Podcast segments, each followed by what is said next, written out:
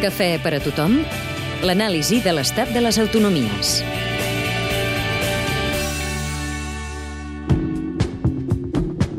Múrcia. Capital. Múrcia. Governa. Partit Popular amb majoria absoluta. Població. 1.079.000 habitants. PIB per habitant. De 9.144 euros. Principal motor econòmic. Turisme i agricultura. Índex d'atur. 27%. Endeutament. 2.806 milions, un 10,1% del PIB. Dèficit. 4,33% del PIB. Pla d'ajustament. 388 milions. Un café, por favor. Ay, café solo. ¿Cuánto es, por favor? Un euro.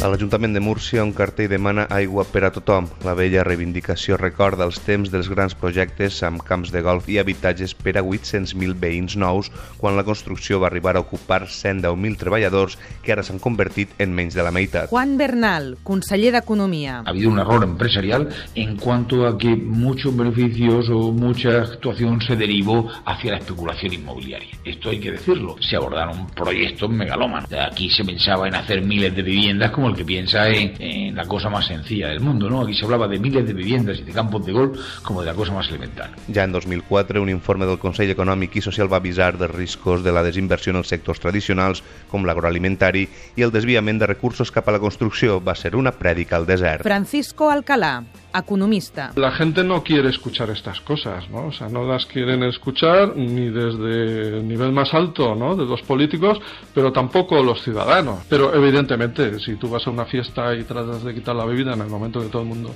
se lo está pasando estupendamente, pues no, no se va a aceptar, ¿no? El mercat de Verònica és el més important de la ciutat i ha la sensació que s'estan pagant els excessos d'anys anteriors. Vivíamos como Marajá y ahora todo lo que pasemos antes ahora nos va a faltar. La gente se mucho, aunque el pescado ha bajado bastante, hay gente que después de pesar el género y decirle lo que importa lo deja, porque dice que no puede. Múrcia va notar de seguida la davallada de la recaptació i fou pionera en les retallades a principis de 2011. La forta i sorprenent reacció social va aturar-ne les més dures. Y entonces hubo una respuesta rápida, ¿no? relativamente temprana en recortes, ¿no? que suscitó estos movimientos, porque todavía la población no estaba tan mentalizada de lo dramática de la situación de la economía española, ¿no? Però amb un dèficit públic disparat, Múrcia té la meitat de deute que Catalunya i el País Valencià.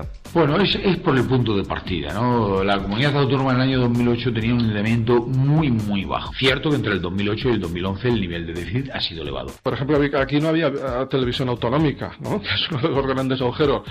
Aunque justamente poco antes de terminar el boom, al final se acabó poniendo en marcha. Eh, durante bastante tiempo yo creo que en la región de Murcia ha habido una contención del gasto, ¿no? O sea, no ha habido la alegría de gastar que ha habido en otros sitios.